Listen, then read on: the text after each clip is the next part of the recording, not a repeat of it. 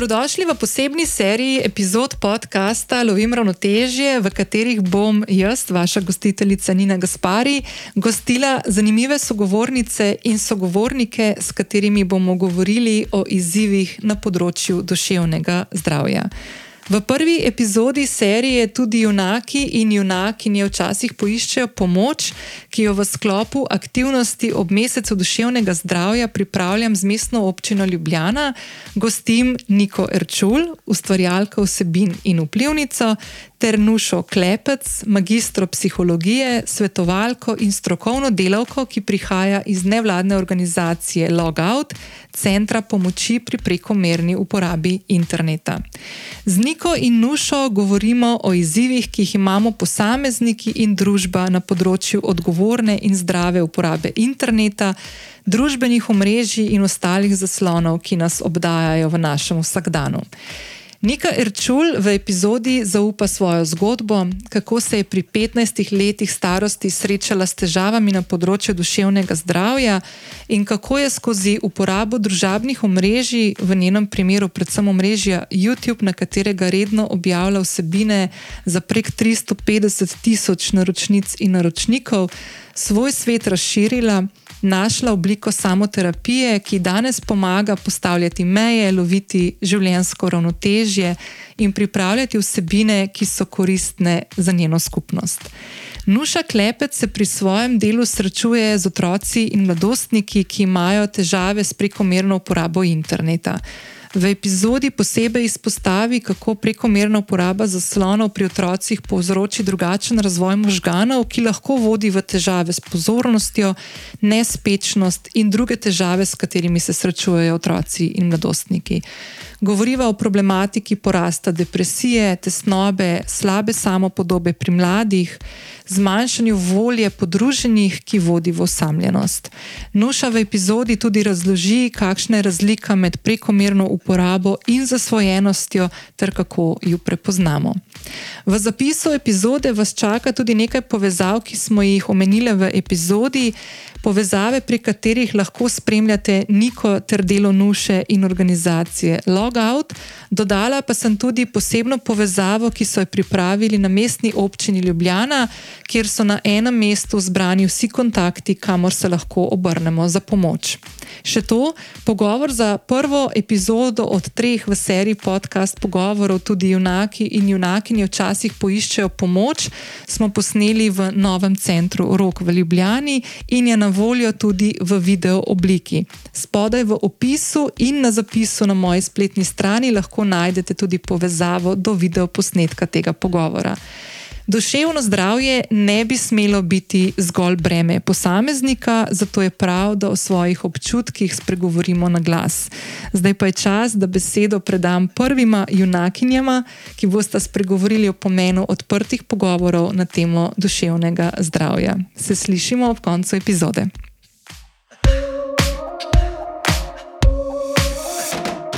Nika, tebe bi prosila, če mogoče najprej poveš da se predstaviš. Če te mogoče kdo ne pozna, kar sicer dvomim, ampak da malo povej o sebi, pa predvsem me zanima, če lahko noter malo upleteš že tvojo izkušnjo oziroma tvojo zgodbo na področju duševnega zdravja.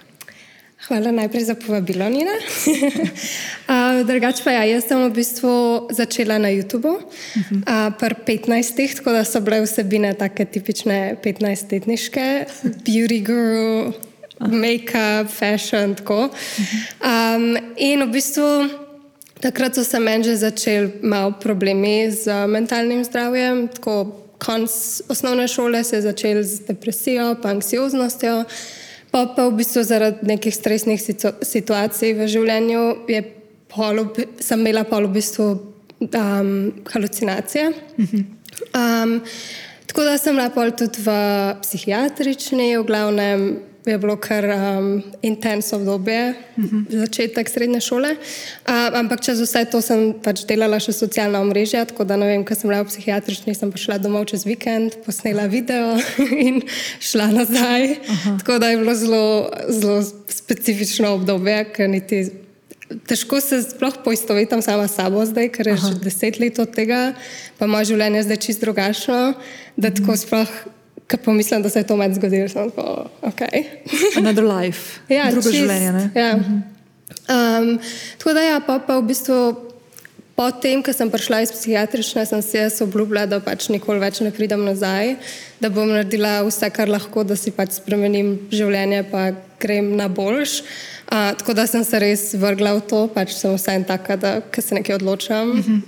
nič ne stoji na poti, mislim, tudi če kaj stoji, nima veze, gremo čez zidove, čez vse. Uh, tako da, ja, pa sem v bistvu čisti spremenila življenje, na, pač hodila sem na terapije, tako, tako vsak teden, uh, ful sem delala doma vseh živih možnih terapij, karkoli sem najdla, sem sprobala in sem v bistvu v tem tudi najdla nek passion. Ne mm -hmm. vem, sem najdla inner child therapy, pa je bilo to tako, moj bog, wow, kako zanimivo, da bi vsem to povedala. Aha. In so se pa tudi s tem v bistvu moje vsebine začele spremenjati, ker pač me je to začelo toliko bolj zanimati. Mm -hmm. Tako da ja.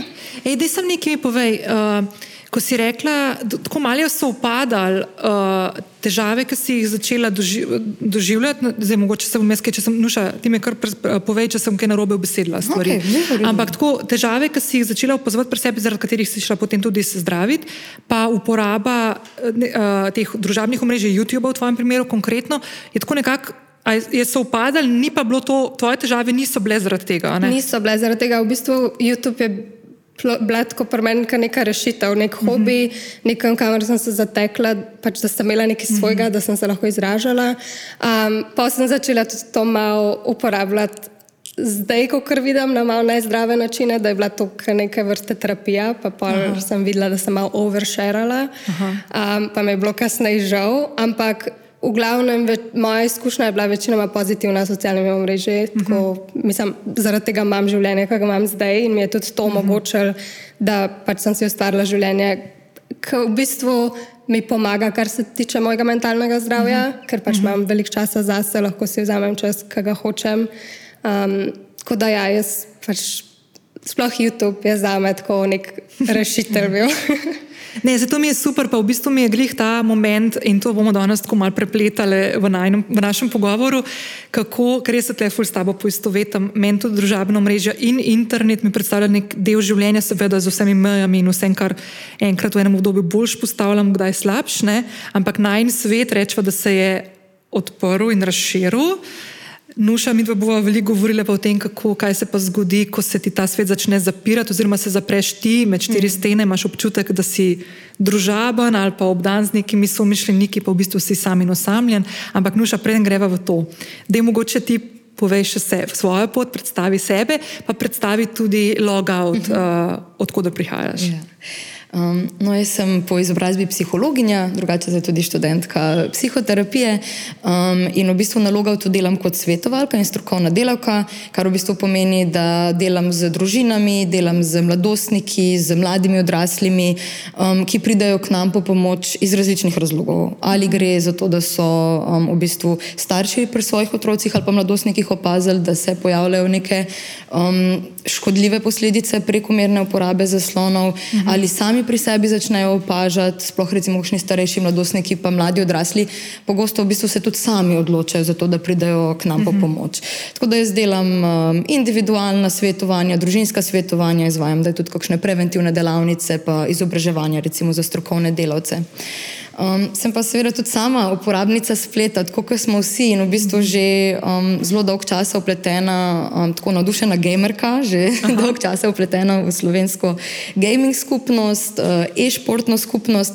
Um, tako da en del mojega dela je pa tudi to, da v bistvu delam z e-športniki in jih pripravljam na tekmovanja. Torej, to so te, ki tekmovalno igrajo v videoigrah. Um, tako da v bistvu na kakršen koli način pogledaš, je velik del. Velik del mojega življenja v bistvu povezan z spletom ali na mm -hmm. tak ali pa na drugačen način. Mm -hmm. Uh, ko sem se jaz pripravljala na ta pogovor z vama, Nuša, ti si mi dala na svet, da ne pogledam raziskavo, ki so jo delali na Fakulteti za družbene vede v Ljubljani, uh, Safe.c in to v lanskem letu 2022.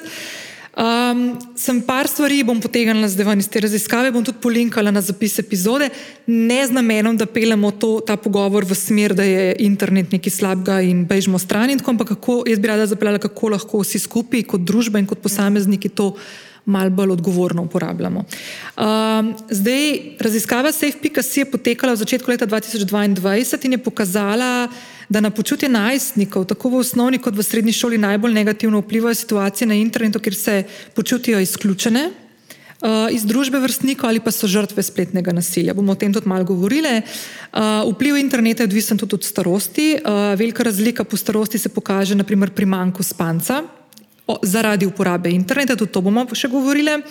In da je skoraj tri četrtine vprašanih deklet v devetem razredu, se pravi v zadnjem razredu osnovne šole in v srednji šoli se primerja primerja svojo samo podobo obraza in telesa s podobami na spletu. Ne? Zdaj, Nuša, ko pomisliš na svoje delo in na svetovanja, ki jih imaš z mladostniki, tistimi osnovnošolci in srednješolci, srednješolkami, srednješolkami, osnovnošolkami, Katere so tiste ključne stvari, ki jih opaziš, da se, uh -huh. ali pa da moramo reči, temu trendi? Uh mhm, -huh. Ja. um, Vse ta v bistvu raziskava predvsej dobro odraža uh, stanje, ki ga mi vidimo uh mhm. -huh. tudi na logautu. Um, recimo, zelo velik um, mladostnikov pride že s pridruženimi motnjami, se pravi, imajo že zraven v bistvu pridruženo um, diagnozo za, za anksioznost, za depresijo, um, velik ADHD-ja in avtizma, um, uh -huh. tudi to. Um, kar je, se mi zdi skupno sploh tem, ki so veliko časa preživijo na družbenih omrežjih, je ena taka nizka samopodoba, um, veliko je ukvarjanja sami s sabo. Mislim, mladostništvo je že itak zelo težko obdobje, uh, ko se dogajajo telesne spremembe, hormonske spremembe. Um, mladostnikom je ful pomembno, kaj si drugi mislijo o njih, ali bojo sprijeti ali, ali ne bojo sprijeti. In ko v bistvu na to eno zelo zahtevno razvojno obdobje, a ne zraven dodamo še uporabo družbenih omrežij, ki pa ta primerjanja še spodbuja in ne samo, da se primerjajo z svojimi sošolci, prijateljicami in tako naprej, ampak se primerjajo um, z nekimi ideali, ki veliko krat niso resnično prikazani, um, to res zelo, zelo slabo vpliva na njihovo mm -hmm. samo podobo. Um, pomanjkanje spanca, absolutno. Us, Praktično vsak, ki pride, ima neurejen ali pa porušen uh, spalni ritem. In to govorimo recimo pri srednješolcih, da spijo po 5-6 ur na noč. Uh mhm. -huh. Kar se potem seveda kaže v tem, da um, se slabo počutijo, da je večja možnost konfliktov, čustva, uh -huh. nihajo, vse vemo, kakšni smo, ker smo zaspani, ne? ne moremo normalno funkcionirati. Um, in pa težav s pozornostjo je ogromno. -huh. um, zelo težko um, recimo, zadržujejo pozornost. Tudi pri nekaterih prav vidiš, v, tudi tekom srečanja, da recimo, moramo telefon fizično oddati um, nekam v nek poseben prostor, ker če ne je tudi med svetovanjem. Um, tako mim grede pogledajo, zelo veliko teh procesov je nezavednih, uh, ampak je čist, čist v bistvu že avtomatično, tako da imajo kar odkrenljivo pozornost. -huh. Ej, um, Nika, Zdaj, to, kar je Nuša povedala, ne, jaz se tako tudi malo prepoznam v tem, priznam. Sploh v zadnjem času lahko povem, da sem malo v TikTok padla. Sicer ne kot uporabnica, tako nalaga stvari, ampak.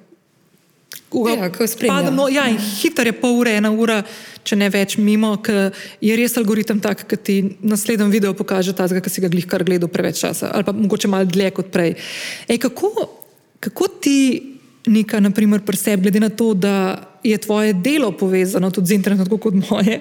Kako ti preseb upravljaš? Kaj si ugotovila, da te pomaga pri tem, da delaš neke meje?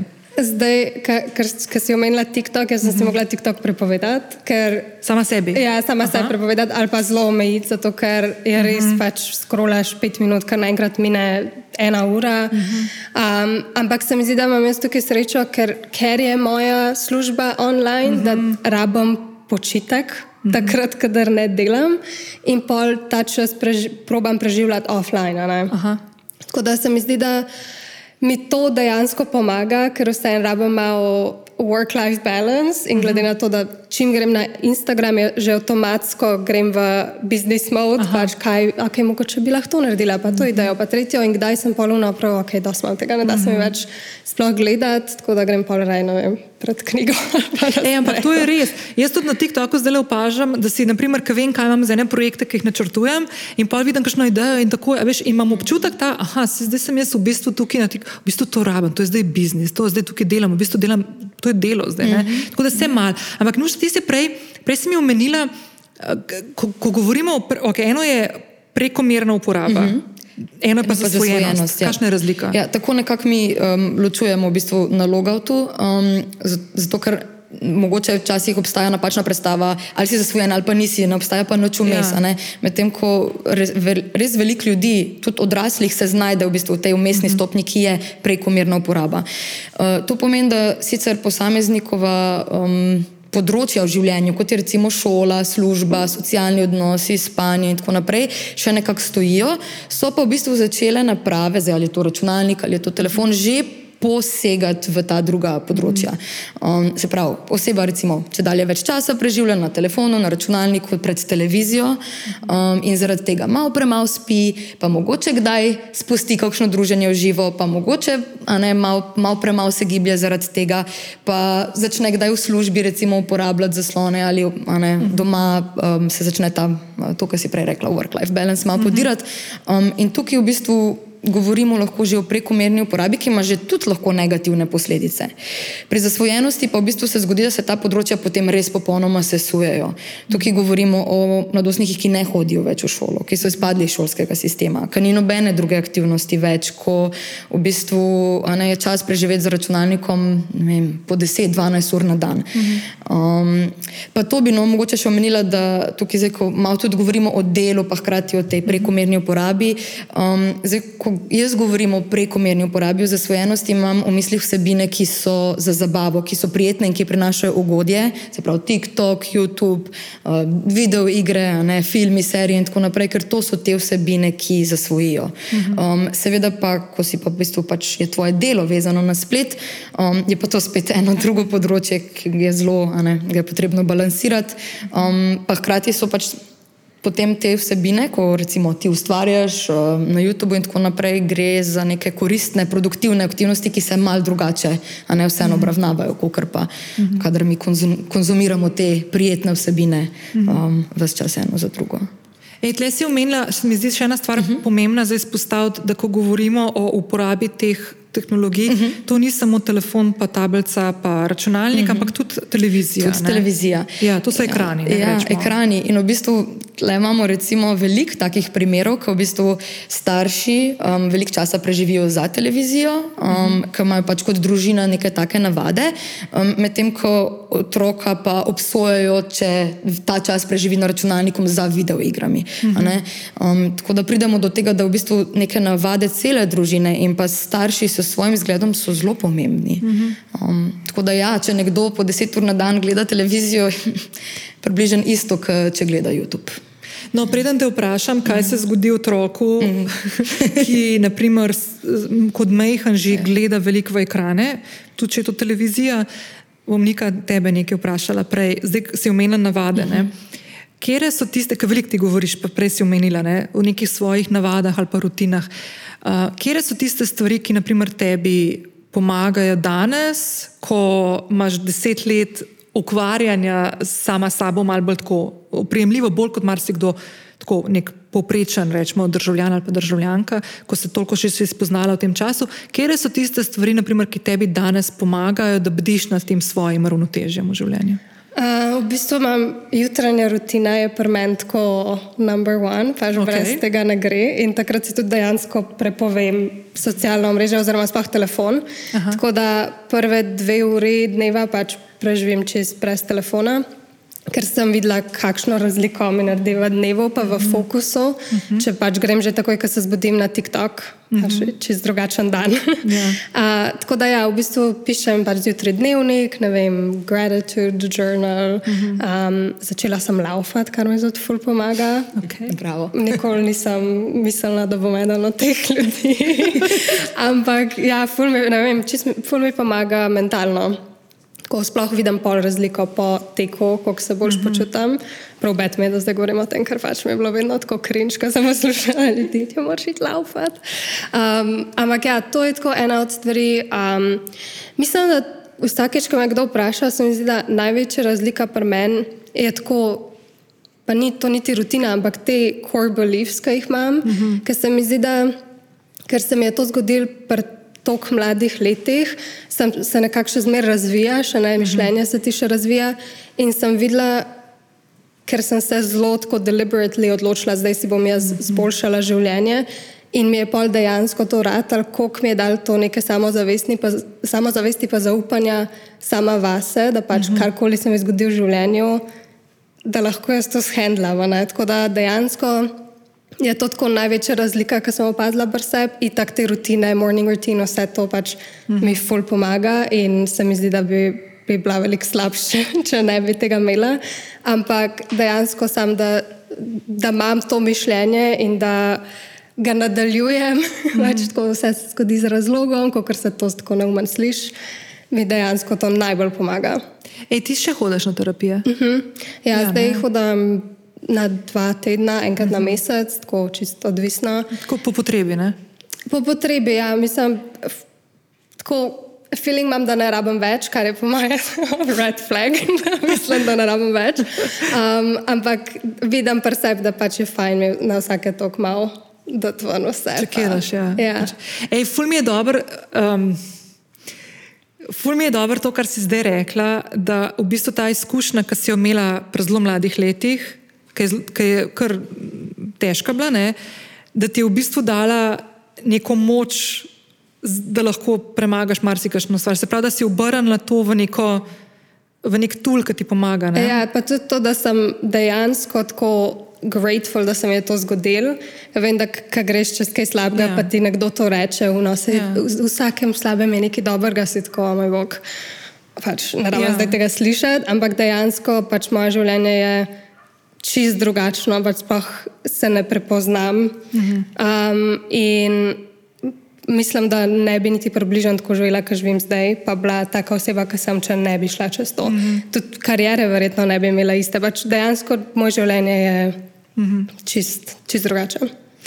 No, jaz imam ne sicer take zgodbe, kot ti, ki seveda ima vsako svojo, ampak jaz sem tudi imela trikrat kreš v življenju in se še na antidepresiv, sem tem tudi veliko govorila, bom polinkala epizode, lahko slišite celo zgodbo na to temo, ker mi je, se mi zdi prav, da se o tem pogovarjamo in ker imamo glih uh, tudi junaki in junakinje včasih uh, poiščejo pomoč, se mi zdi to ful dobro v tem, da jaz imam podoben občutek, ne, da sem dala marsikaj čez v življenju in ne vem, če mine dan ali pa dobro, ok, teden, da ne bi vsaj enkrat na to pomislila in v bistvu se vrnem k tem izkušnjam, kot nek način, da premagala sem to, šla sem čez to, ni hudič, da ne bom zdaj tudi tega izziva. Ne? Pa ne, da so niso manjši ali kako koli, ampak se mi zdi fajn, da prepoznaš preseb teh stvari.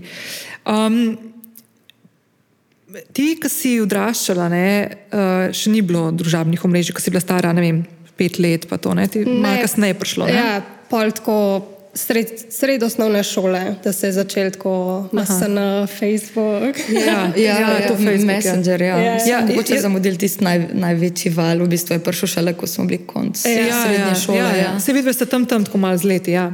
ja no, ja, jaz, sem dobila, jaz sem pred par, par dni nazaj, preden smo se tlele v rogu dobile in, in snimamo tole epizodo, sem praznovala 15. obletnico svoje prisotnosti na Twitterju, naprimer, ne, pa mislim, da je nekaj tazga tudi Facebook, pa pa vse ostalo.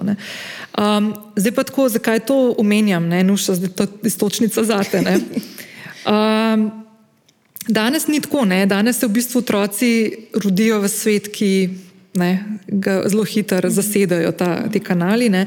Jaz, na primer, mojega nečaka, ki je pet let star, opazujem in mi je fascinantno, že kako je pre enem letu, leto pa pol tako intuitivno uporabljal, ne vem, telefon je znal pa preklopiti na, ne vem, kaj smo, se, kaj smo videli, ker bo še med pandemijo, pa je na videoklicu preklopil, pa si dajo tiste emojije gor, pa ne vem, mislim, crazy.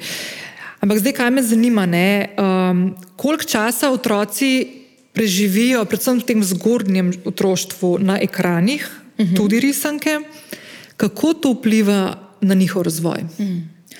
Ja, mislim, da v bistvu, če gremo, se dotaknemo tega predšolskega obdobja, to je eno fully ranljivo um, obdobje. In že tukaj raziskave kažejo, da recimo um, preveč časa za zaslon, za, ali so to risanke, večinoma so v tem obdobju bolj risanke, um, ampak včasih tudi kakšne otroške igre že, um, da se fully povezujejo z primankljajem v govoru um, in um, v bistvu, uh, da, da kasneje začnejo recimo otroci brati in tako te neke govore govorne pismene sposobnosti. Um, drugače pa, um, ja, um, v bistvu od, možgani otrok in mladostnikov se še razvijajo in se razvijajo zelo dolgo. Mm -hmm. Razvijajo se v bistvu do, možgani do 25, 26 leta mm -hmm. um, in so seveda pač v tem obdobju bolj občutljivi za vplive um, iz okolja. In zato prej je otrok izpostavljen nekim zaslonom, in če je to več časa, um, bolj se začnejo kazati lahko neke posledice. V bistvu se možgani strukturno drugače razvijajo. Uh -huh. um, recimo, sploh ta del um, tukaj spredi, prefrontalni korteks, se mu reče. Tukaj so shranjene zelo pomembne funkcije, kot recimo to, da znam nadzorovati svoje impulze, da znam nekako se spoprijemati s svojimi čustvi, da znam predvidevati posledice, da znam uh mhm. -huh. tehtati recimo odločitve. Uh mhm. -huh. Ta del možganov se začne tam pri 17. 18. letu šele razvijati. Uh mhm. -huh. um, in otroci, mladostniki, ki so velik čas za sloni, v bistvu je ta del možganov. Um, razvoj tega dela možganov v bistvu zaviran, upočasnjen. Um, in tukaj pol pridemo do teh težav s koncentracijo, težav s pominjom, uh, nekih čustvenih motenj, pridruženih, um, nesposobnost regulacije in tako naprej. No, zdaj, ki si omenila, naprimer, to pisanje, pa to, to mi je bilo mm -hmm. fascinantno. Če sem dizajnič omenila, da moj petletni nečak ne zna še pisati, mm -hmm. ampak zna pa svoje ime na tipkati na, tip, na telefon in poslati ja, po mesiču. Ja, ja. Ful mi je to fascinantno, ja. tako pomislila nisem. Mislim, sploh, ne, do, mislim, dojenčki se pač učijo preko modelnega učenja in opazujejo, kaj počnejo starši, ne, kaj počnejo oči, kaj počnejo mami. Um, in v bistvu vse te gibe, kot je vzeti telefon, neki pritiskati, ne, tudi v bistvu delinca, konec koncev zelo hitro um, hiter se jih naučijo. Um, kar je mogoče še v tem obdobju pomembno, pa sicer to se tudi malo navezuje na, na, na vpliv staršev, ampak um, uh, zelo pomembno je v tem predšolskem obdobju, kar velikrat tudi vidimo zdaj, um, da počnejo starši, da pomirjajo otroke za sloni. Uh mhm. -huh. Greš na kavo in vidiš um, tam malčka na stolu z recimo tablico ali telefonom pred sabo, ali pa v restavraciji, um, zato da pač, ali pa recimo v čakalnici. Se pravi, takrat, ko bi naj otroka pomirila, ne, da, bi, uh mhm. -huh. da bi bil miren. Um, velikrat tudi uporabljajo za pomirjanje pri kakšnih neprijetnih upravilih, naprimer ne vem, česanje, uh mhm. -huh. strižanje nohtko in tako naprej. Um, in s tem v bistvu mi otroku od, odzamemo možnost učenja soočanja s frustracijo, ker že pač tudi malčki se morajo naučiti soočiti z nekimi frustracijami, ne, ki so pač za to uh mhm. -huh. starost in to je pač za njih recimo. Česanje, um, in jih učimo, da v kasnejših obdobjih življenja v bistvu se oni pomirjajo z zaslonom. Ne, se pravi, ko meni dobim v šoli slabo oceno, grem na YouTube, ko se skregam s prijateljem, grem na TikTok ali pa na, na Snapchat. Um, ne vem, ko me fan zavrne, a ne spet grem gledati serije. In v bistvu je to postane edini način, kako lahko neka svoja neprijetna čustva pomirjajo. In to je zelo nevarno. Um, ok, veš kaj, Nika, bom ne, tebe, ne, tebe nekaj vprašala, kaj pol. Ker v bistvu nočeš tako, yeah. Ja. ker razmišljam, veš, jaz ne bi šla rada zdaj v to, da daš otroku telefon vem, v restauraciji, ki te grdo gledajo uh, iz vseh koncev, ne vem, če otroki v kako karkoli. Mm -hmm. So situacije, jaz imam, na primer, sestro. Ja, ja, yeah. Ja. se zato zdaj to omenja. Jaz imam sestro, ki je, ne vem, sama, mm -hmm. samo hranilka, jaz štekam, da včasih pač enostavno nima druge. Ne? Seveda, in tudi ja. to. Ampak govorimo o vzorcih. Točno to. to. Ja. Zdaj, tle bi se v bistvu na, na, na, na, na, na, um, naslonila na eno stvar, nikam mene zanima, kako ti to delaš. Ker jaz imam, na primer, tudi zelo podobno stvar kot ti. Mi dve delava veliko stvari na spletu.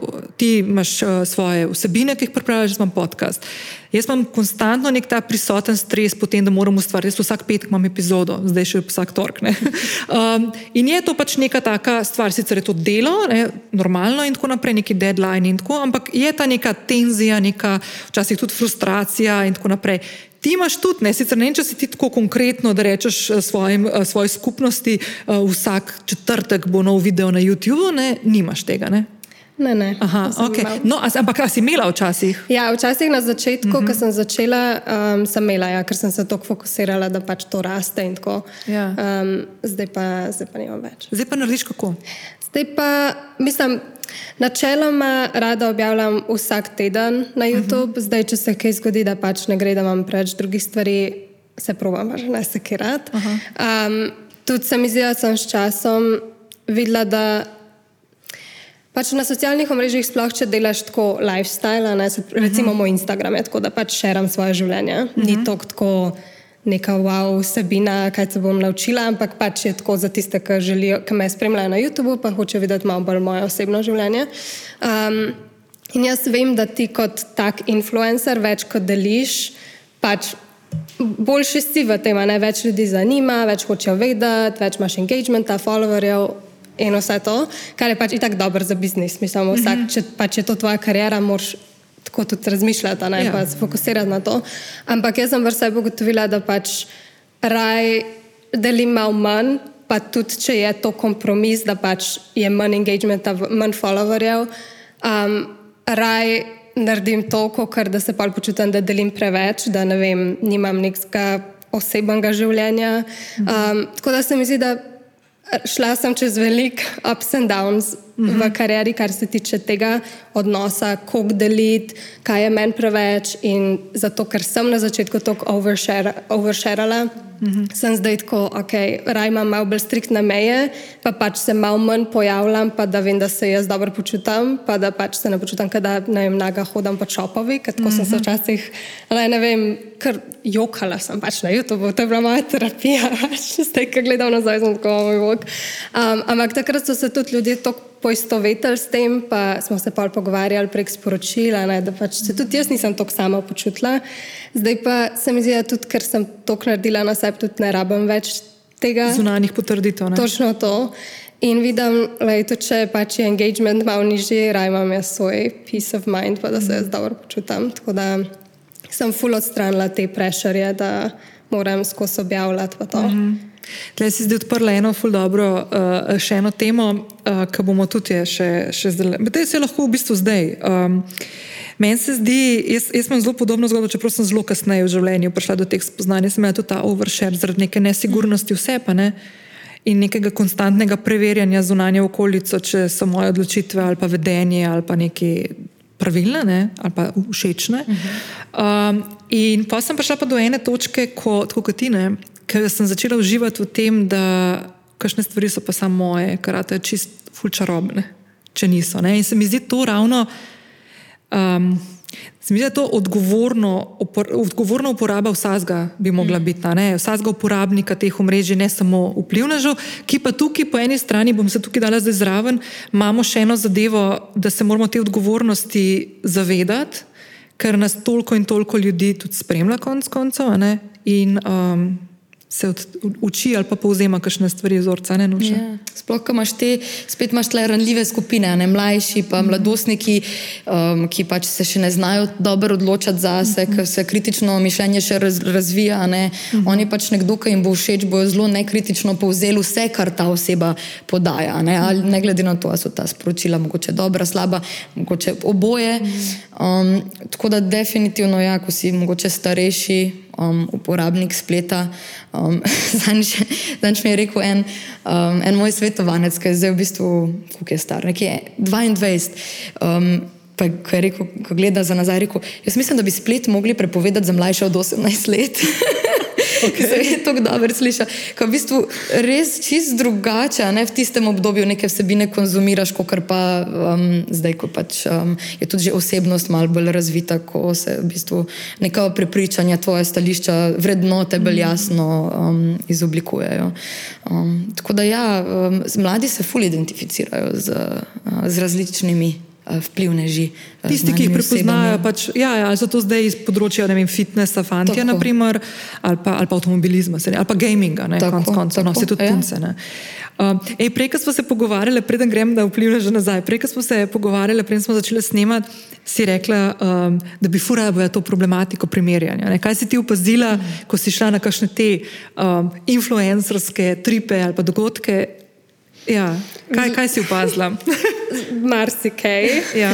Uh, ne vem. So, pač prvo kot prvo, to se mi zdi, da jaz pač, ker sem ženska in sem imela izkušnje, vem, kot 16-letnica, da se pač primerjaš na Instagramu s popolnimi ženskami, ki nimajo nobenega mazola, nič ni narobe z njimi. In pol pač sem imela priložnost poznati te punce v živo in vse so fulušne in, in vse v redu, ampak pač je vse normalna ženska, pač vidiš, da je normalen človek, pač ni uno sfotoshopirana oblika. In tako pa v bistvu vidiš, no, kaj se sklep primerjam, pač se neč, mislim, večino tega ni realnost na koncu. Vsaj so influencerji, ki pač delajo druge mhm. vsebine, ki ni to point, ampak te punce, s katerimi se ponavadi 16-letnice primerjajo, so pač na Instagramu lepe, to je njihov pač glaven point socialnih mhm. omrežij. In ko vidiš te punce v živo, si tako, ok, pač se lušno razumem, pač, da je to biznis, da pač moš gledati najlepše, imeti najlepše obleke, whatever, mm -hmm. ampak pol jih vidiš, pa si tako, pač navadna punca, ker če bi hodila po centru, bi mogoče bila tako, lušna punca, pa bi šla naprej. Ja, ja, ja. Um, pa so, ne vem, te, to mogoče bolj fanti, ki followujejo te uspešne moške, ki predavajo o tem, kako so oni biznismeni. Aha, ampak imajo zasebna letala pa to. Ja, ja, ja zasebna letala. In pa jih spoznaš v živo in pač to so ljudje, ki ne vem, najamejo private jet za eno uro, ki tam samo stoji, ki sploh ne zleti, da zato da se slikajo, da se ne vem, zrihtajajo si, da imajo za ston v restauracijah teh fancy, pač tiste, ki jim to dovolijo uh mhm. -huh. kot sponzorstvo. V glavnem. Veliko teh ljudi dejansko služi zelo malo, ampak mm. pač zaradi followerjev imajo opcijo, da imajo take priložnosti, da grejo v tako restauracijo, pa grejo v take mm. na private jete. Mm. Pol imaš tudi, ne vem, bila sem povabljena enkrat v Kapadokijo in je bilo ful nekih bolj Instagram influencerjev. In tam so pač, ne vem, če poznaš, mm -hmm. so tisti baloni. Baloni pa kuški pa to. Baloni, pač, ja. ki Ful lepo zgleda, se res je, ja. ful lepo, ampak uh, takrat, ko smo bili mi, bilo pa, je bilo preveč vetra in ni bilo zraka nobenega balona. Aha. In pač so se vse tam slikali in pač jaz pridem tako na letalo, gledam tam malo te slike, kaj so objavili in pač posod so baloni v zraku. Zato, kaj da fakt tam ni bilo nobenega balona. Pač. In ja, in pač fotoshopirajo in je tok, tok je takih stvari, kaj enkrat, kaj si mm -hmm. del te kulture čudne, mhm. -huh. vidiš tako, ok, nočem se primerjati s takimi ljudmi, ker pač veliko ni realnosti, veliko je tudi žalostno, ko vidiš dejansko punce, ki ne vem. So fulušne, misliš, kako je ona samozavestna, pa, pa tam se slikajo dve uri pred vem, enim stebrom, pa se photoshopirajo eno uro, pač vidiš realno sliko tega, ki je doskrat žalostna. Mislim, ti se primerjaš v bistvu z nekom, imaš prim, problem s primerjanjem, a v bistvu ima ta punca isti problem. Ja. Pa se primerja z drugimi puncami v, tej, v tem influencer svetu. Pa, Se to je tudi pri nas, tako da ne. A veš, to se tudi pri nas dogaja, vse to, kar si naštela, mm. tudi verjetno kakšni privatna letala, tudi ne vem, mogoče, ampak tudi to, ne, razni obiski, restauracij, hotelov mm. in tako. Noč na robe do neke točke, ampak ja. Veš, kaj mi je tle, nuša, vi imate tudi eh, z vplivneži delate, a ne, kam imajo težave, ne? Ja, v bistvu. Kontrasmer, ne? Ja, ja, v bistvu mi smo um, en program oblikovali mm -hmm. uh, za, ali za vplivneže, streamerje, youtuberje, um, ki um, ker vemo, da je pač to poklic, ki prinaša veliko enih pritiskov in stresa. In um, zdaj, ne, kako komunicirati svojo publiko, kje iskati tisto ravnotežje med tem, kaj bi jaz objavljal, pa kaj v bistvu moja publika želi. Ne, kako se v bistvu čez čas moje sebine spreminjajo in ali me bojo še spremljali naprej zaradi tega. Uh, se pravi, nudimo s tem programom v bistvu en. en eno priložnost, en prostor za pogovor tudi z ljudmi, ki v bistvu se z tega drugega vidika srečujejo, recimo ne, z neko tesnobo, stresom, pritiski um, v zvezi z ustvarjanjem svojih vsebin, z komunikacijo, uh, tudi v bistvu, z, če so žrtve kakšnih negativnih komentarjev, trolanja in tako naprej, um, da se v bistvu um, imajo en, en prostor, kjer se o tem pogovarjamo, uh, iščemo načine, kako ta oseba lahko pač vsem tem tudi zaščiti sebe in pač postavi mhm. sebe na prvo mesto. Ej, to se mi zdi ful pomembno, zato ker se mi zdi, da se v družbi ful pojavlja to, ne, to zamah z roko, ah, ti vplivne že brez veze. Ne, po eni strani, čeprav na koncu konc je vsak od nas do neke točke. Je nek vplivnež v nekem okolju. Ne? Druga stvar je pa ta, da v bistvu tukaj za sabo potegne resne stvari, lahko ne, od tega raznega kulture, uh, cancel culture in podobnega, ja. ali pa tega trolanja in napadov. In v bistvu Tudi tega tako uh, skupinskih napadov ne, mm -hmm. se mhm. zgodijo. Veš, uh, naprimer, imaš tudi primere, ko grejo ne, ščititi nekoga in se postavijo v to, da grejo ne, cele vojske ljudi yeah. Ja. uh, na nekoga, nekega posameznika. In se mi zdi pomembno, da se o teh stvarih pogovarjamo, ker na koncu tudi ljudje, ki ustvarjajo, ustvarjamo vsebine. Ne, mm -hmm. imamo tle en kup enih. Ja, seveda. In v bistvu pol včasih, a ne pol tako se govori, da pač pa ti influencerji slabo, slabo, slabo. Kada pozabimo, da so oni tudi ljudje in imajo isto stiske in v bistvu isto se srečujejo z primerjanjem in z nekimi ne, podobnimi situacijami, samo pač iz različne pozicije. Tako da tukaj imaš vedno, um, v bistvu, moraš z obeh strani pogledati, z obeh plati pogledati. Ja, mislim, da mi kot družba v bistvu se zelo, to, kar si prej si omenila, veš, če starši gledajo veliko v ekrane in potem obsojajo svoje uh -huh. otroke, ne, ali pa se kakorkoli, no, uh, da preveč ne. Se mi uh -huh. zdi, da tukaj ta, ta zgled ne. Ne vem, uh, vsi, ja, pa vsi skupaj ja. bi mogli se, v bistvu se srečujemo z eno stvarjo, ki je še dokaj nova, kako kar koli pogledamo 15 let plus. Ne? Ampak to, ni, to so neke stvari zelo nove, ki jih ne znamo uporabljati, ne? če smo zelo iskreni. Niti odrasli, kaj še lepo otroci. Um, veš, kaj bi te vprašala? In ta, ta, v bistvu, ta vloga staršev, uh -huh. primarnega nekega okolja, šole, tudi konc koncev, ne in širše, uh -huh. kje tukaj so kje opaziš stvari, napake ali pa, ali pa mogoče stvari, ki bi bilo dobro na njih malo večkrat pomisliti. Ja. Um, ja, sej, v bistvu moram reči, da se mi zdi, da se v zadnjem času več o tem govori in da opažamo, recimo, da imamo tudi mi nalogo, da pride več staršev, ki pridejo tako malo preventivno preveriti. Uh -huh. Ok, mi bi recimo vem, svojemu otroku kupili telefon, kdaj je pravi čas za to, kako naj to storimo, kako uh -huh. naj te stvari omejimo. Um, ampak še zmer. Um, čim več ozaveščanja. No. Se mi zdi, da se zelo veliko bi dal narediti s to, ker so ta prva obdobja malčkovega življenja tako zelo ključna, da bi se tle mogli zelo veliko delati na preventivi. Recimo predšolsko obdobje, šola za starše. Um, tako da to. Um, pa ena stvar, ki jo starši velikrat delajo, je v bistvu to, da zato, ker ne razumejo in seveda ne poznajo tega okolja tok in se ga posledično tudi velikrat bojijo.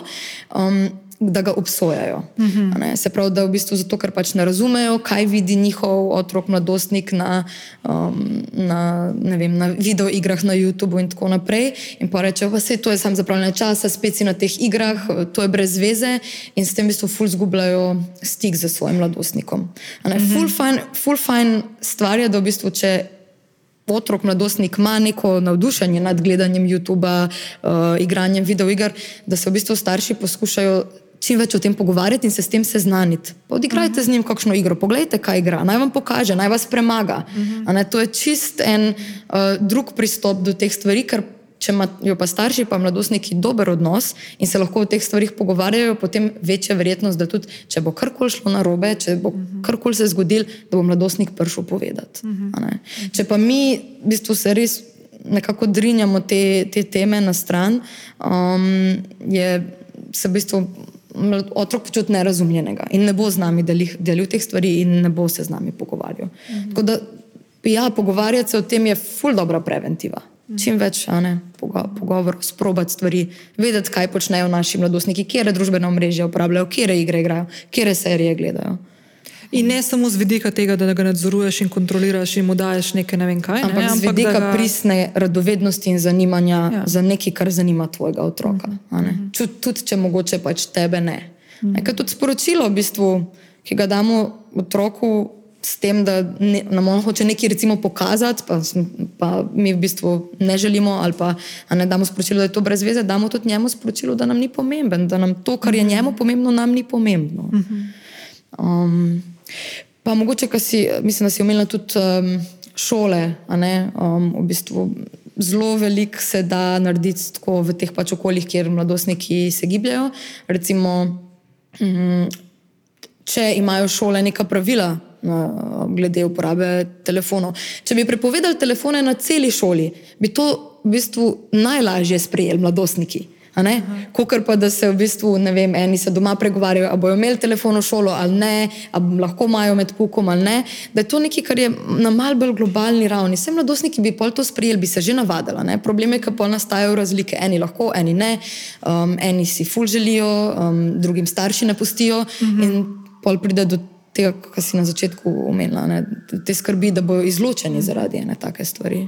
V bistvu nek tak družben konsens širši bi mogli Ja, se malo o tem ja. pogovarjati. Ne? Ja. Mislim, jaz sem učila, da se doskrat pogovarjamo na teh mikro težavah, Ja, ja, ja. ne na neki. Ja. Gre za v bistvu družben problem, ki ga mi rešujemo na individu, zelo Ja. na individualni ravni. Ja. Vsakim posameznikom, z vsako družino, ki pride. Mm.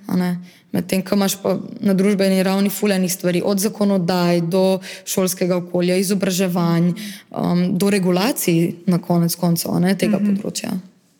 Ej, to je tudi uh, v drugi epizodi iz te serije, bomo tudi veliko se pogovarjali na to temo, no, kako v bistvu kot posamezniki bdimo mm. lahko nad počutjem in kako, kaj, kaj, tukaj, kaj, kaj tukaj moramo mm. kot družba delati. Ne? Ker sam posameznik na koncu, če živi v družbi, ki ima tako problematiko in se z njo ne loteva, ja, Zelo težko. težko ne? Zelo težko. Ful težko. Ja. Um, to tudi recimo vidim, da včasih rečejo, pa jaz bi bila manj časa na telefonu, pa jaz bi bil manj časa na telefonu, sam če so vsi moji prijatelji tok. Ja. Sam ti imaš že ogromno stvari v šoli, tudi zdaj kar na telefonih, ne? če sem jaz prav razumela, pa raznih Viberih pa podobno. Ja, Ja, to je pa spet eno, eno poglavje, ki se mi zdi, da od, predvsem um, zdaj po koncu epidemije, ko- koncu tega obdobja šolanja nadaljavo, da so ene stvari kar ostale, uh Mhm. -huh. se pravi, ful uporabe teh spletnih učilnic. Pa ok, sej, za ene stvari je praktično, ampak za kar vse, da kar vse gre prek tega, da, Mhm. da morajo oddajati um, prek spletnih učilnic, da morajo v bistvu delati neke digitalne naloge. Um, ena stvar, ki recimo mi tudi um, je zelo nerazumljiva in se mi zdi zelo škodljiva za otroke, je to, da v bistvu imajo urnike na, ne, na spletni ja. strani in pol v bistvu oni sproti javljajo nadomeščanja in navajajo otroke, da morajo vsako jutro pogledati na telefon ali pa na računalnik za to, da vidijo, če imajo kakšno nadomeščanje v šoli. Se pravi, Nika, ti tiste tvoje dve uri brez telefona zjutraj, zdaj v šoli, naprimer, Tako bi bile neizvedljive. odpade, Ne? Kar vsi priporočajo, da zjutraj in zvečer, preden greš spat, vsaj uro, dve prej ne gledaš v ekran. Ne? Ja, Tako je zelo kontradiktorno, Ja, ja, ja. ne, v bistvu. zanimivo. Ne? Ja. In pa imajo starši problem doma, ker ne ja. dovolijo zjutraj Ja, ja, telefona, ja. ampak, Ampak ampak moraš, pogledati ne. za urnik. Ne. Ej, uh, škaj, Nika, škaj sem te hotela vprašati? Uh, tvoja starša, ne? kako ona gleda, a ona razume, kaj ti počneš? Um, Oziroma, kako jim to razložiš? mislim, jaz, sem, ko sem začela, ni noben vedel. Ja, Jaz aha. sem to delala čisto na skrivaj, ker sem vedela, da pač ne bi, Da ne bo v redu. ne bi se strinjala s tem.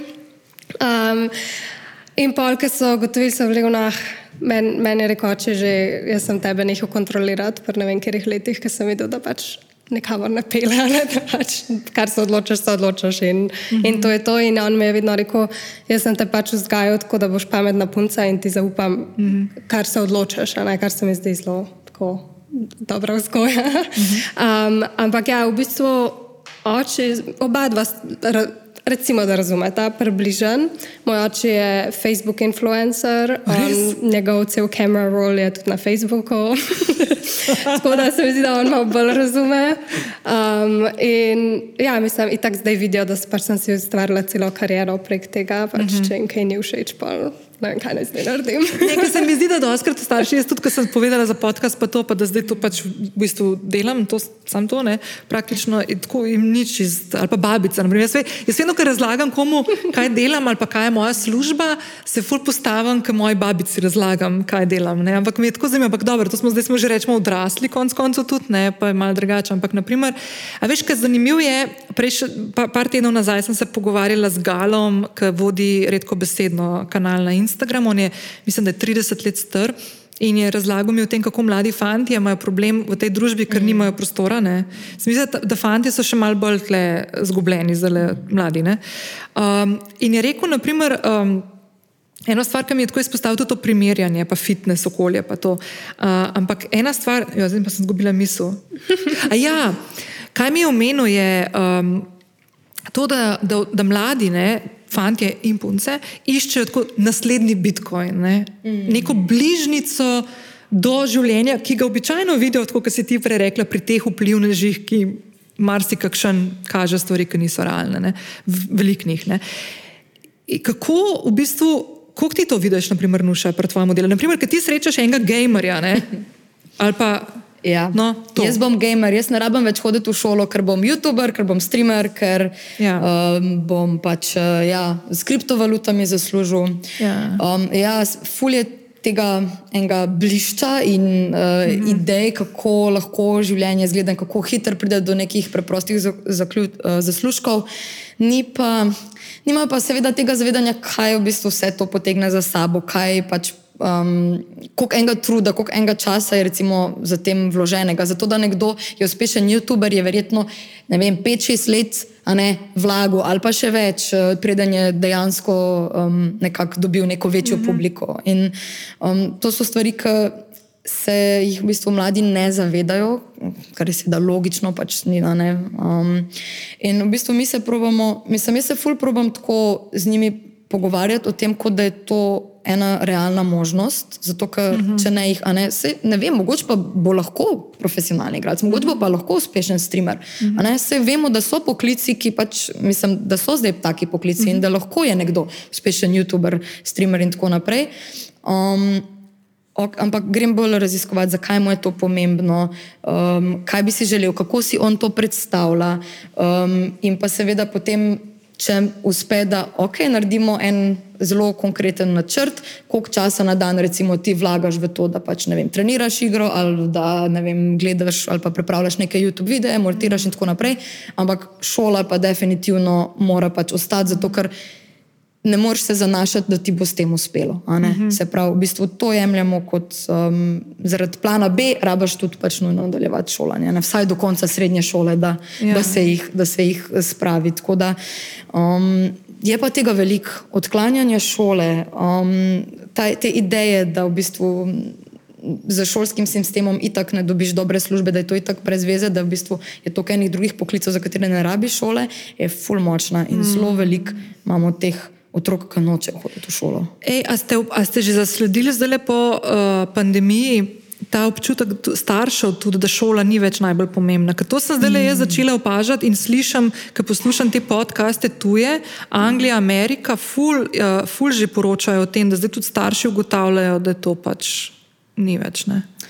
Ja, mislim, se dogajajo primeri, ko recimo pride družina in povejo starši, da pač otrok ne hodi v šolo um, in da je pač doma. In sem tako, ok, kaj pa, mislim, kaj, kaj pa ste naredili v zvezi s tem, uh mhm. hodi kam drugam, ali se ga pač spodbuja, da bi šel nazaj, ki je obravnavan. Ja, pač ne, ne hodi. Mhm. ni, ni, ja, ja. ni to, kar je sprejemljivo za njih. Recimo, ne vem, osnovna šola, srednja šola. Ne. Ej, ampak, da je to, kar jih vprašaš, naprimer, zakaj mi je pomembno.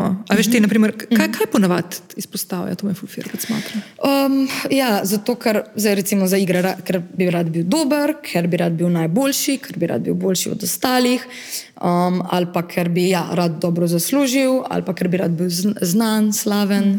Um, ja. To so te. Veš, kaj mi je zanimivo, kako ta občutek neke um, okay, lahkotnosti um, tega uh, enostavnega, uh, da mhm. enostavno prideš do tega. Uh, Skupnosti, naprimer, ki imajo. Perfect storm je. Veš, ja. Prej je bilo recimo mogoče bolj appealing, da si nek zvezdnik v Hollywoodu, ja. ampak zato dejansko vsi vemo, kako je težko do tega priti. Ja. Pa rabiš zelo specifičen talent, vem, da znaš ja. dobro igrati, da znaš, znaš dobro pet. Zdaj kot influencer ti lahko kažeš realno samo svoj dan, a ne ja. pa te lahko followa toliko enih ljudi. Zdaj tako tu zdaj zaradi TikToka se vidi, kako lahko hitro nekdo uspe mm -hmm. in je tudi ta del to kapiling.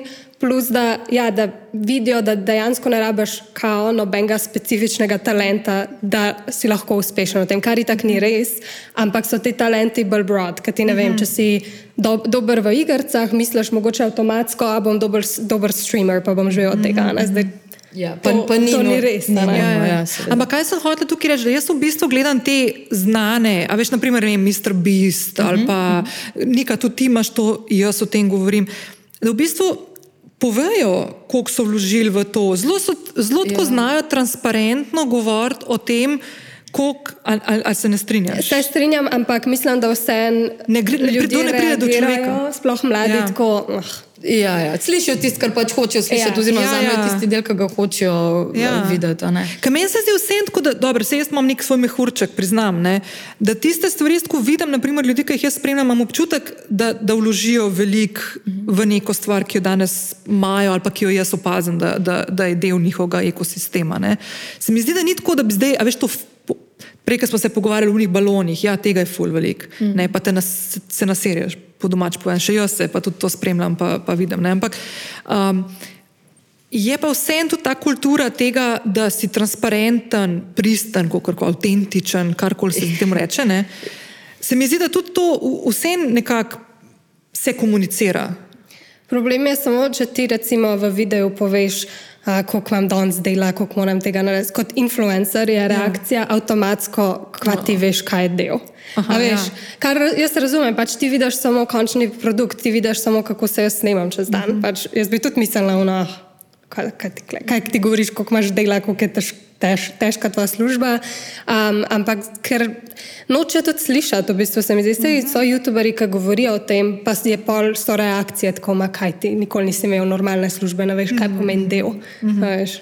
Ja, ne moreš zmagati. Ampak se mi pa zdi, da je pomembno, da se um, proba poka pokazati tudi ta drugi del, ta težji del, mm -hmm. vem, da, um, ta realnost, pač, koliko je truda zadnji, koliko je enega časa, da nimamo vsi vedno dobrih dni, da pač, mm -hmm. ne, se nam kdaj tudi kaj zelo, da kdaj kaj zafejlamo. Ne, mm -hmm. to, v bistvu, um, ja, ja, ja. Da se vse mal lovi ta balans, je pa res, da na koncu konec koncev vsak bo vzel tisti del, ki bo ga hotel. Koliko časa ti, ki še video poprečno, koliko časa ti vzame? Če, če rečemo, da imaš en, enkrat na teden, ker jaz, naprimer, jaz to, kar jaz niko gledam, jaz to ever ne bi mogla. Meni se zdi to tok dela. Dobro, vse verjamem, da se pol sfriziraš, pa to pa ti gre hitreje normalno, ker imaš pač izkušnje in hitreje narediš, ampak jaz si predstavljam, da to ful velik dela. Ja, jaz si rabim vzeti dva, tri dni da pač naredim cel video. Zdaj je odvisno uh -huh. od mhm. videa. Ne? Kdaj imam tudi še en challenge, ki delam en teden, nekaj pa vsak dan snimam, pa je pol pač malo več dela. Um, ampak ja, klej so pol pač to je samo, da narediš video, pol je klej cel biznis del v zadnji. No, no, no, vse, ja. Se pa si že na delovniku, ne? Ja. Na tedniku. Točno to, ja. ja, ja. Tako da, um, pa se mi zdi tudi pomembno, da vsi se lahko poistovetimo s tem, koliko je enih problemov problemov, s katerimi se soočamo, kot samo uporabnik socialnih omrežij, tudi če nisi influencer. Uh mhm. -huh. In dejansko, če si, jaz sem to doživela, ker sem tako mlada začela, ne vem, pa 16, takrat, ko sem se jaz primerjala z vsemi, uh -huh. pa je bila moja samozavest pač podan, da dejansko ti kot influencer so vsi ti problemi samo potencirani, uh -huh. ker mhm. pač ti dejansko. Če je tvoja karijera odvisna od tega, koliko si ti drugim zanimiv, itak da to je tak prešer, sploh če se še ne poznaš, če nimaš samozavesti. In se mi zdi, da tega ljudje tukaj ne razumejo, pa bi mogoče s tem, da pač se ti tudi doživljaš te probleme, ampak so pač uh mhm. -huh. samo kot uporabnik, ne kot delo, uh -huh. si lahko mogoče pol lažje predstavljaš, uh -huh. kaj je to nek prešer, uh -huh. kaj je to dejansko, ne vem, razlog, da lahko ješ, pa si plačuješ stanovanje. Ja. Zdaj, ne bom rekel, če bi imeli čarobno palčko. Meni se zdi tako, no, ena, ena stvar, ki se mi zdi, da se z vama pogovarjam. Mm, ta, ta širša problematika, ne, razumevanja tega. Se mi zdi, da se tako zelo dela neke take posplošene, hitre, hipne, neke izvlečke iz tega. A veš, aha, ful si preveč na internetu, to ni v redu, kaj pa misliš, da si, ali pa kaj je to služba, ali kaj ne. Se mi zdi tako, da se ful nekako posplošuje, generalizira neke stvari, ki niso v bistvu, ki so bistveno kompleksnejše in grejo širše v pore. Um, No, še ne vem, ti, če bi tako lahko, ne, da bi zdaj, naprimer, uh, eden, ki vodi cel svet, ne vem, whatever, tebe poslušal, pa bi rekla, da je to pa to je treba narediti. Mm. Na tvojem ja. področju, kaj misliš, da bi tisto, kar bi res lahko pomagalo družbi mm. in posledično posameznikom, staršem, otrokom, mladostnikom? Mislim, da je um, nujno da se v bistvu začne v zvezi s tem neka, postavljati neka zakonodaja oziroma regulacija uh -huh. trga. -huh. um, se mi smo recimo um, dali že tudi pobudo, um, ki gre po vzoru um, enih drugih držav, mislim, da Francije, Nemčije mogoče, um, da recimo, ko je pač nek, na. Um, ko influencer pa neka oseba um, ali svojo sliko obdela, ali pa je Aha. v bistvu v, v objavi uh, gre za neko oglaševanje, da je to pač jasno, recimo, nekje mhm. napisano. Ne? Mhm. Um, tako da te, te regulacije, zelo veliko odgovornosti v bistvu nosijo tudi sami razvijalci aplikacij, ki bi lahko ogromno naredili. Ja. na tem, da bi ljudje manj uporabljali, da vsebine v bistvu ne bi bile tako zasvojljive, v tem, da bi recimo te, vem, aplikacija opozarjala, da si vzameš odmor ali pa se kar zaklenila po določenem času. Mhm. Se pravi, da bi v bistvu razvijalci šli bolj v to bolj družbeno mhm. odgovorno razvijanje um, aplikacij. Mhm. To se mi zdi ful, v bistvu zelo utopično. Ja, ne veš kaj. Meni se, men se to zdi zelo smiselno, pa zelo dobro, um, ampak je tle ena stvar, ki jo tudi opažamo. Ne, naprimer, um, podjetja, ki so lastniki družabnih omrežij, uh mhm. -huh. tukaj mislim predvsem Meto, pa Twitter, naprimer, ne, uh, TikTok je še mal posebej zraven, ker je čisto iz enega drugega okolja, ki je prišel. Ne, ampak dejansko so tudi v zadnjem času, ko so se zgodila velika odpuščanja v tem tehno svetu, so prvo odpustili točno ljudi, ki bdijo nad, nad lažnimi novicami, nad neko to odgovornostjo, če ne drugega, vsaj v angliškem jeziku. Ne. In se mi zdi, da so tako kolektivno odstopili od odgovornosti do uporabe tega. Veš, ravno zaradi tega, ker se mi zdi, da je toliko manjka tega na regulaciji samih ja, držav. Ja. Oziroma, tako, tako je, da je v bistvu. Pa mogoče tukaj Evropska unija še malo bolj ja. kot kjerkoli drugje. Mm -hmm. Tako da to je ena stvar in težko je pa pričakovati eh, regulacijo ali pa neko odgovornost omejevanje posameznikov mm -hmm. na koncu. Ali pa naprimer otrok, da se bo zavedal, ja, ja, mislim, ali pa ja, staršev ja, konc koncev. Ja. Se mi zdi, da to je kar tako. Um, ja. Koliko je, to te bom še vprašala, Nuša, za na konec, um, koliko misliš, da je povezano družabno mrežje, internet, uporab, gaming, um, streamerji, koliko je to povezano z duševnim zdravjem, kako bi ti to ocenila, kako močna povezava je med tema dvema stvarema. Zelo močna. Zelo močna. Um, ampak ni samo, ni, sam, ni v bistvu vzročna, ampak je ciklična. Se pravi, um, velikrat. Um, lahko uporaba zaslonov, preživljanje časa na spletu in tako naprej, potencira neke stiske, ki so že bile v mhm. posamezniku. In pol, ker je večja stiska, se posameznik pomirja spet z temi vsebinami. In v mhm, bistvu mhm. smo v enem takem um, začaranem krogu. Um, tako da uh, ne samo to, da um, v bistvu zasloni ali pa uh, velika uporaba družbenih omrežij uh, in konzumacija teh vsebin lahko povzroča neke stiske, lahko v bistvu uh, vpliva na poslabšanje depresije, tesnobe in tako naprej, so tudi zasloni en način spoprijemanja ali pa samo zdravljenja teh, um, ne, teh stisk, ki, se, ki jih pač mladostnik doživlja, tako kot se tudi ti. Aha, tako kot nika prej, mm, kot si ti. Zelo ciklično. Kar v bistvu se na koncu, kot si ti nika omenila, ne, v nekem svetu, kjer se to poklopi. Ne, to, kar se je pretep, pri meni tudi, naprimer, so to lahko stvari, ki ti res dejansko pomagajo. Um, ja, ja. Tako da so plusi, so minusi. Ja. Mo ja. Mogoče tudi to, ne, recimo te virtualne skupnosti, ki se oblikujejo na spletu, imajo lahko fulejnih pozitivnih učinkov za mm. posameznika.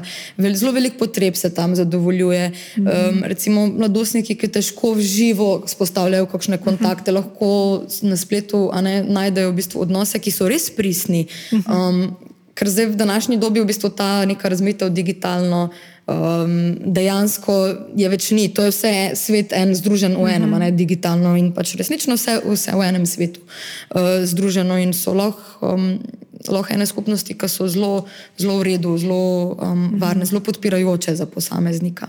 Ja, Ej, tle, tle je ena stvar, ki pa, tudi nekaj mogoče za tebe.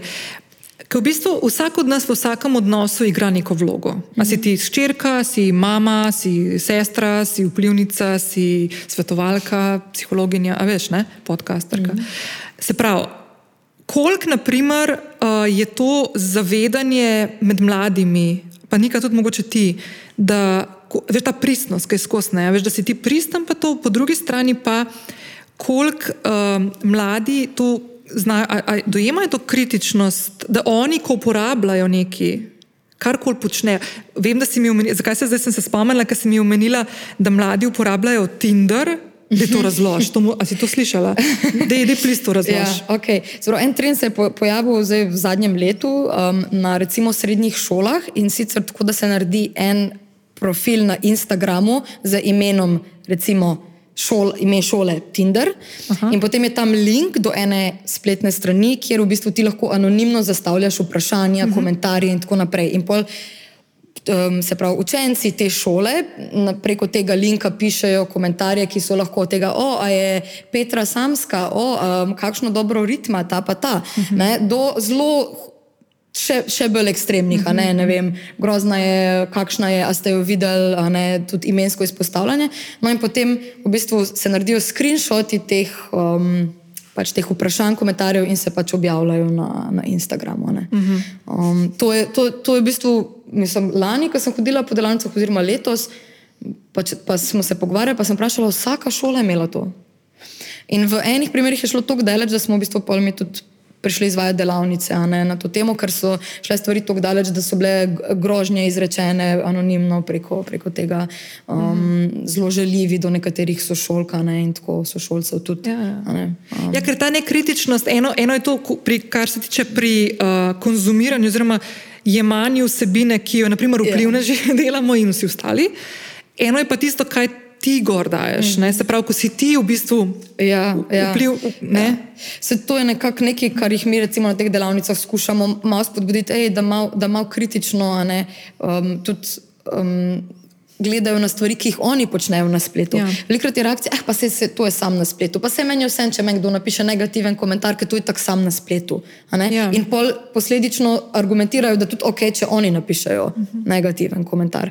Tako da ta kritično presojanje se tako mladostništvo šele razvija in je značilen ja. zelo egocentrizem in je uh mhm. -huh. značilno to, da še ne znajo, ne, te, te, da niso zmožni toliko biti empatični. Tako da tukaj jih je v bistvu treba nekako s pogovorom, z vprašanji, z primeri malo spodbuditi k temu, kako bi bilo te, ali pa kako je, da se to zgodi tvoji sestri, tvoji prijatelji. Uh -huh. Ne, ker tle si prej rekel, da v bistvu to je en svet ratu, ne? ampak v, bistvu ja. v, takem, v takih primerih pa v bistvu ni, ga še vedno ful ločujejo. Tako kot naprimer si rečemo, ja, sej, ki si ti, ne vem, za nekim anonimnim uh, profilom, uh mhm. -huh. ne vem, na Twitterju, ki je zelo tak primer omrežja, ki spodbuja, uh mhm. -huh. bolj si negativen, pa pacak. Bolj si caral kaj. A, veš, kaj, a ja, se to se pa ti z imenom prinkom na ulici, pa ne bi nikoli upal. Ja. Ampak jaz ne vem, če je to res ker je vedno več tega preho, prehoda, prehoda in tega, te agresije mm. tudi v polno realno ja, življenje. Ja, no. ja. Um, a bi še kaj dodali? A smo kaj spustili? Ker pa imam pa še eno vprašanje za vaju na koncu. Če bi. Aha, ne. Kakšen je od obeh, me zanima, en korak, ki vama pomaga, da se boš počutila? Pa mogoče nika tep. Lahko sta tudi dva. V bistvu to, kar sem že prej omenila, moja jutranja rutina, pa trenutno tek. Uh mhm. -huh. Tako da sta nek, nek healthy escape za me, pa uh -huh. mogoče mhm. ni escape dobra beseda, ampak ker se mi zdi, da socialna omrežja, ne vem, si slabe vole, najbolj. Simpel stvar, ki lahko narediš, je, da odpreš Instagram, odpreš TikTok mm. in se s tem zamotaš mm. za kar koli časa hočeš. Mm. In se mi zdi, da je to uno, spet nek perfect storm, da je toliko problemov s socialnimi mrežami, sploh pri mladih, ker pač. Ne vem, jaz, ki sem bila 16 let stara, nisem, ali pa mogoče še malo prej, nisem razmišljala o tem, o, kaj bom jaz danes naredila, da se bom jaz bolj počutila, ja. ker rutine bom imela in tako. Najlažje, kaj je bilo, je, ali da sem se vem, dobila s prijateljico, ali pa še lažje, če ni imela časa, ne vem kaj. Pač odpreš, ne vem, Instagram, YouTube, tako da res sploh ni čuden, da je toliko problemov, kar se tiče socialnih omrežij, sploh pri mladih, ker vsem, ki si starejši, začneš bolj razmišljati o tej smeri, kje rutine bom imela, da se bom bolj počutila, mm -hmm. ne vem, kaj vpliva na me, kot ne vem, da mi spodbuja neko sam, slabo samo podobo. Mm -hmm. Komu sledim, komu ne. Točno to, ne? in ti ja. lahko na, na Instagramu, na YouTubu lahko ful stvari narediš, da si ustvariš nek malo bolj prijeten prostor. Mm -hmm na svojem feedu, kjerkoli pač si. Ampak jaz verjamem, da mladi pač sploh ne razmišljajo v tej smeri. On mm -hmm. hoče videti, kaj je najbolj popularno. Vem, da bo imel zdaj prime drink in bo pač s tem sliko in bo imel sprijatelje. In jaz mm. to čist razumem, ker sem bila jaz ja, isto ja. 14 let stara, pa sem imela take, take fore. Ne vem, se mi zdi fur za kompliciran problem za, yeah. Ja. za rešiti. ja. um, no, moje pa, recimo, ena povezana z um, zasloni je to, da probam eno uro pred spanjem res ne uporabljati zaslona. Prav večerna rutina. Uh -huh. uh, pa probam brati ali pa kako drugo uh -huh. pomirjujočo aktivnost. Um, druga stvar je pa res fizična aktivnost. Tudi meni to uh -huh. prepuca glavo. Um, sploh pri vseh teh kajsih, ki se mi zdi, da včasih kar nosimo domov, ni tako, da prideš službe pa pol kar odmisliš, ampak so kakšne zgodbe, ki jih kar neseš sabo domov, tako da je to res en tak filter, da se te stvari malo mal spucajo. Ja, najlepša hvala obema. Jaz vam želim čim več kakovostno preživetega časa na ekranih, uh, predvsem pa ful kakovostnega časa izven ekranov. Hvala, enako. Hvala.